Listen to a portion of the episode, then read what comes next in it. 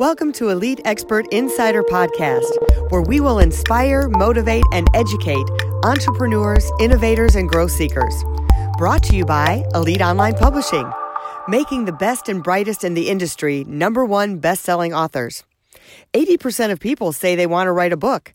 We're assuming that's the same for you.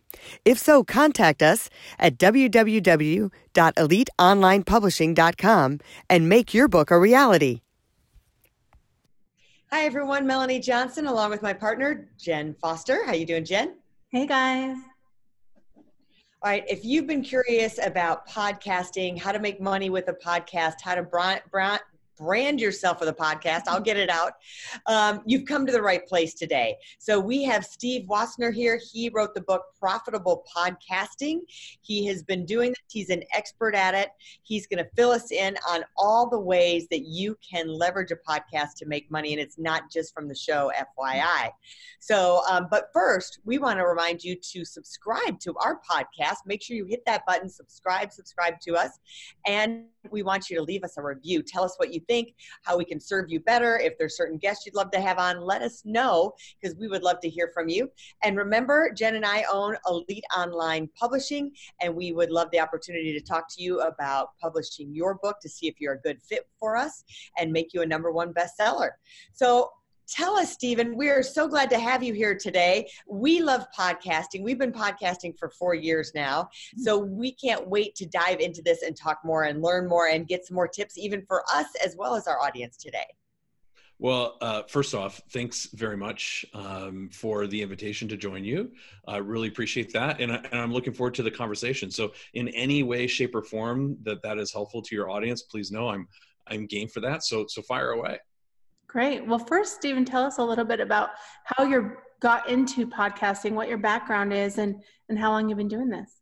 Well, I, I, would love to say that it was some sort of brilliant strategy, Jen, but the reality is it was not.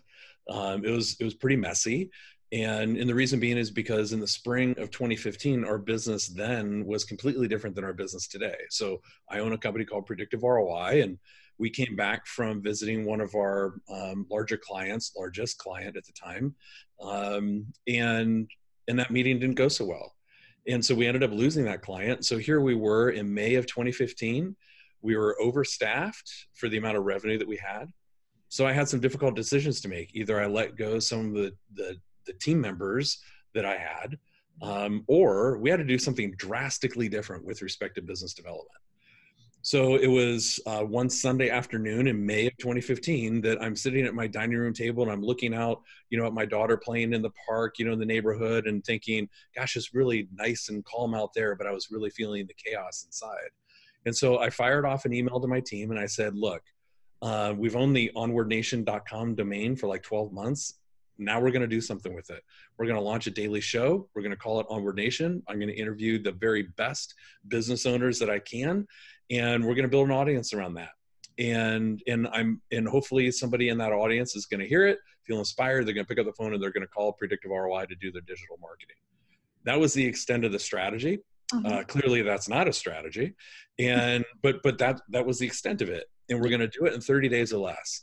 And we knew nothing about podcasting at the time. Uh, credit to my team we did it. And 30 days later we launched a daily show. And then a couple months after that praise God, one of our guests said, Hey, could you do that for me? And I'm like, Do what for you? He's like, Seriously, could you build me a podcast? Your podcast awesome. Could you do it for me? So we did it for him. And then and then we got the business development process going where we started doing that for more guests. Mm-hmm. And then mm-hmm. Holy Bananas, our business completely changed as a result. Awesome. So now your digital marketing company includes podcast and podcast marketing. Yeah, so I mean, it, it it absolutely includes podcasts. It's a big chunk of what we do, and but primarily we're helping business owners build their thought leadership, just like yeah. you guys do. Mm-hmm. You know, help help them build their thought leadership and then monetize that content. Oftentimes that's in form of a podcast. Sometimes it's video. Sometimes it's blog content. Sometimes it's something else. Mm-hmm. But how does a business owner get super super intentional about his or her thought leadership and then how do they then monetize that content? Maybe it's a book deal maybe it's speaking maybe it's sponsorship maybe it's direct client acquisition. So as you well know there's many many different forms to be able to monetize their thought leadership and, and really that's what we specialize in today. So walk us through the process um, a client comes to you they want to start a podcast kind of abc what should they do? Not the mechanics of hey you need to get this kind of camera or lighting or whatever for it or microphone but more or less the i want to start it i don't know what to do and my focus of it and then how to monetize it. Okay so it starts foundationally with um, you know you mentioned in the intro whether or not somebody's going to be a good fit for uh, your publishing company similar type of thing. We want to make sure that we're the right fit for somebody and vice versa. And and that starts with having a conversation around that client or prospective client in this scenario their point of view. Do they have one? Is mm-hmm. it is it clear? Is it distinct? Is it maybe potentially provocative? I don't mean offensive but but provocative where a an audience is going to say hmm i want to learn a little bit more about what jen just said there. That's that's yeah. intriguing. That's interesting that's something different than what i've heard before. Like mm-hmm. do they have a point of view that we can just like slam down into the dirt and plant a flag around? Right. And if yes awesome. If we have to help a business owner establish their point of view that becomes very very difficult because then then it's more like building their business as opposed to right. actually establishing a thought leadership position around their point of view. So that's the first thing. Mm-hmm. the second thing is do they have a successful business with an actual value ladder already intact now we can tweak it and we can adjust it and we can help them work on the ascension and all of that but do they have a core business with a value ladder and then and then third do they have a clear niche?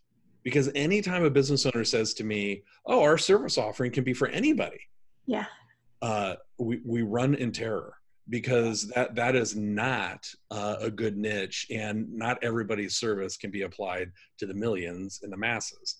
Uh, it should be really niched, uh, and then and and then if those three criteria are met, then then awesome. Yeah uh, it's important to talk about the niche because a lot of times people will say the same thing for authors. You know, what's your book going to be about? Who's your reader? Oh, anyone can read it. It's for everybody. It's oh like, and no one's going to read it because you're not targeting and speaking to that one person. And that's the same with a podcast. If you're not speaking to that one person, um, then you're not going to get anybody to come and listen to your podcast. So you could have a weight loss podcast that's for everybody, but no one's going to listen to it. So instead, have a weight loss podcast that's just about intermittent fasting or just about paleo diet or whatever it is that you're going to talk about. Like you said, if you don't have a niche, you need to find one. uh, exactly. I, I, had a conversation the other day with uh, with a personal trainer, and I asked him because uh, we like to talk business from time to time, and I and I asked um, like who, who is your ideal client that you like to train? Oh, anybody from you know high school students up to um, you know, women who are, um, you know, wanting to to lose weight or men who are wanting to lose weight in their 50s and 60s. And I'm like, uh, no, nope. Totally different person. nope, nope, nope, nope. There, there's a there's a core group of people who you really mesh with. You might work out with a 16 year old, and you might work out with a 65 year old. Fine, but there's a there's a group that are your ideal client. You need to find that group. Yeah it's like you have to know that it's that business plan business 101 so if you're already started your business but you don't know who your client is you don't know what your brand is you need to go back to the drawing table and start with that. It's so important to have that identity so you can walk forward. So let's say they have that now. They know who they are. They know who their ideal client is. And now they're going to hit that button and start to go live.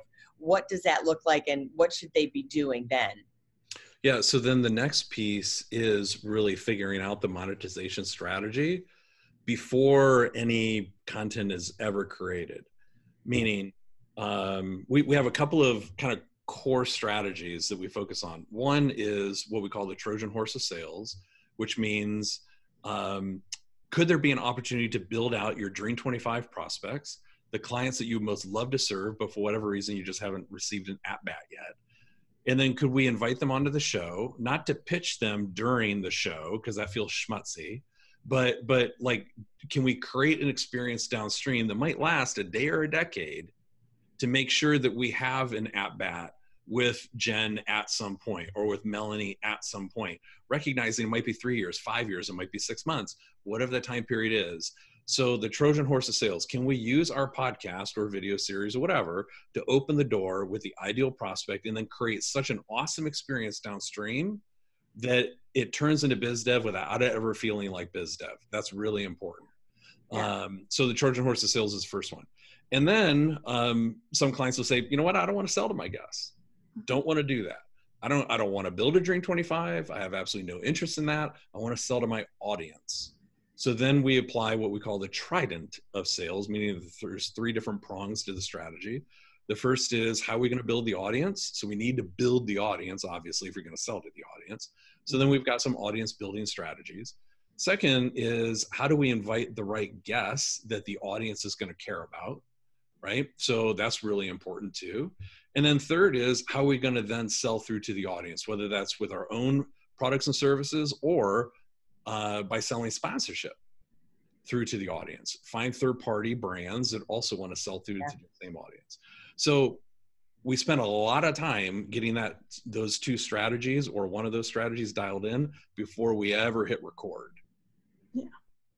That makes sense. I want to I have a question about for the first strategy. So you bring people on and you're going to sell downstream. You have to have some kind of um, system in place to keep that communication going. Do you have a system that you say, hey, now that they're on there, this is what you do A, B, and C? And then I have a question about number two, but let's start with that one. Yes. Uh, in fact, we have seven people on our team that specifically do just that. Um, so you're you're right. There are definite intervals. There's the interval. So here's a few of the intervals. And then we get ha- happy to slice it apart however you like. Mm-hmm. So the day before something airs, like let's say a podcast episode, the day before something airs, that guest, Dream 25 prospect in this scenario, is getting something from the show host. Uh, the day the episode does air, they're also getting something else. 30 days after the episode airs, they're getting something else 60, 90, 120 intervals of 30 days forever, they're getting something else. Now, the key is it's never, ever, ever, ever about the host, ever. It is always, always, always. Let's say that Jen in this example was our Dream 25 prospect and she was my guest on Onward Nation. She would receive something from us every 30 days as a gift or a highlight of the insights and wisdom and expertise that she shared with our audience. It's never about me, never about our audience, and it's always about her. Mm. And, so then it never ever feels like salesy because it mm. not It's about the contribution that she made to her audience. And then eventually there's an ask, mm. or she may get all of this stuff from us for three years and say, Oh my gosh, these guys are really freaking smart at what they do. I should ask them if they can help me with this challenge in my business. And that, that works too. And so, would some of those emails or communication be the stats of their podcast of like how their episode went, or was that just maybe a one time thing? No, what we do is we highlight the literally we highlight the insights and wisdom. Let's keep using you as the example. We in, we highlight the insights and wisdom that you shared with our audience. So let's say that during an episode, like with all the episodes that you guys have recorded, in a typical half hour conversation, if you have a good guest, there's probably five or six, seven maybe, what you would consider to be like really good golden nuggets. Mm-hmm. Well, that's seven months of really great content right there. So we're going to celebrate Jen's golden nuggets back to Jen and say, Jen, when you said this, and we're and we might include that in a quoted, or excuse me, in like a framed quote mm-hmm. and, and that you would put that up on your wall or on your desk. It's something beautiful. It doesn't have anything to do with us, but it's a quote from you. Or we might highlight Golden Nugget three and four in an ebook, Golden Nugget five in a Forbes.com article that I might write, mm-hmm. or in our e newsletter. Or we might take one of your quotes and transform it into video and then put it into our Monday motivational video series. So my point is is that we're taking your stuff, your insights, your brilliance, your expertise that you took the time and effort to share with our audience and we're slicing and dicing it and turning it into much more than just a podcast episode mm. and you're tagged in all of this stuff or i'm sending it to you in your inbox and you're like holy bananas i spent 35 minutes with these people and look what they're doing with my stuff right love that that's like the king we're, we're really big on repurposing your content for to make a book. Yeah. and i just love how you've just taken this and just repurposed all this content to um, help your own company right? It does that too. I mean that's kind of secondary but you're really shining a light on the person that was your guest on there. And then you're also repurposing it to make you know share it with the world and people who are interested in your products and services yes. which also makes you look great too because you've got insight that really nobody else has because it's not everyone's going to watch your or listen to your podcast. They people consume content in different ways on different platforms. So now you're giving them those little nuggets in different consumable bites that they can get.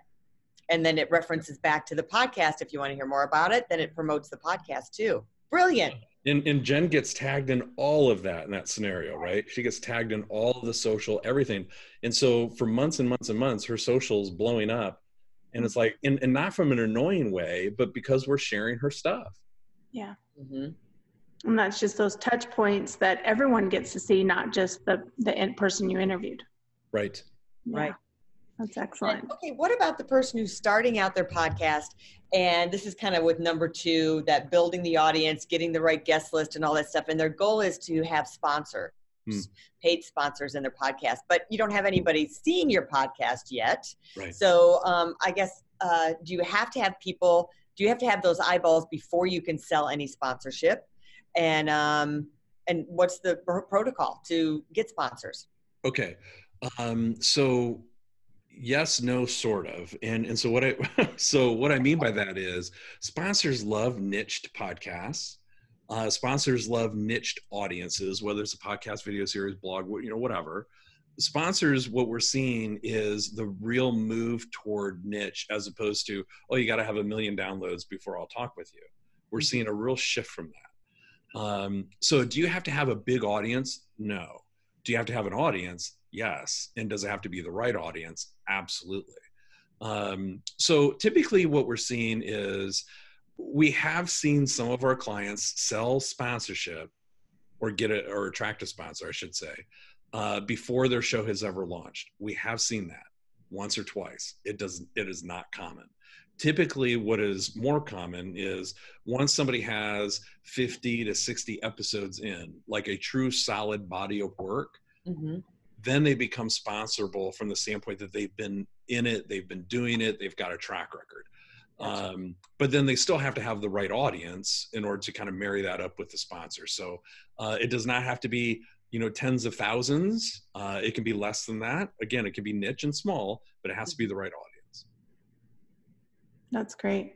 And so, a lot a lot of these things you're teaching us are they inside the book that you have on on hmm. Amazon mm. podcast? Well, so uh, profitable podcasting, some of it is in there, um, but you know, candidly, you know, we've learned a lot in the last couple of years too, yeah. right? So yeah. we we wrote the book, and it was based on years of experience, right? But this is a changing landscape. So, uh, is the book still a good resource? Absolutely. Some of the platforms have changed a little bit and that kind of stuff. The strategy is still solid. Uh, some of the other things like the Dream 25 that Melanie was asking me about and, and kind of the things that. we do downstream, candidly, we've developed that in the last 18 months. So that is not in the book. Hmm, mm-hmm. So tell us a little bit about how you build that nation of fans. So we're talking about how to do the podcast and how to get sponsors and all that, but how do we get those true fans and how do we get them to keep coming back? Okay. Um, so for somebody who is just launching, we have found the, the best way, the best way to build the initial audience and to make it a target audience is to be sure that the guests that you're inviting are indeed the right guests meaning that and I, I'll get it that some of your listeners are probably think, yeah, but Stephen, there's there's no way I'm going to invite Gary Vaynerchuk on episode number one. He's not going to say yes to me. Um, and and so you probably want to have maybe the first five, maybe ten guests. Um, you know, people who who know you, people who like you, people who trust you, people who are quite frankly easy yeses, who are still going to deliver great content to your audience, um, so that they're relevant but they're also easy yeses so you can get a body of work out and they're probably most likely to share your content right away right? So so you you want to make sure that the guest list itself that the guests are fitting a couple of criteria. One are they prospects? Like this is beyond kind of the you know the initial five or ten. Then going forward are they prospects? If they're not prospects are they people who can be helpful to your audience? And do you think they'd be willing to share with their social community so you want to start attracting people into your guest list who have a social following, an email following, and so forth, so that, and then make it very easy to make your content shareable so that they will share it. That is exactly how predictive, or excuse me, Onward Nation got into, I don't know, 60, 70 countries right off the bat because we invited an international guest list who was willing to share and and it grew like super fast because of that.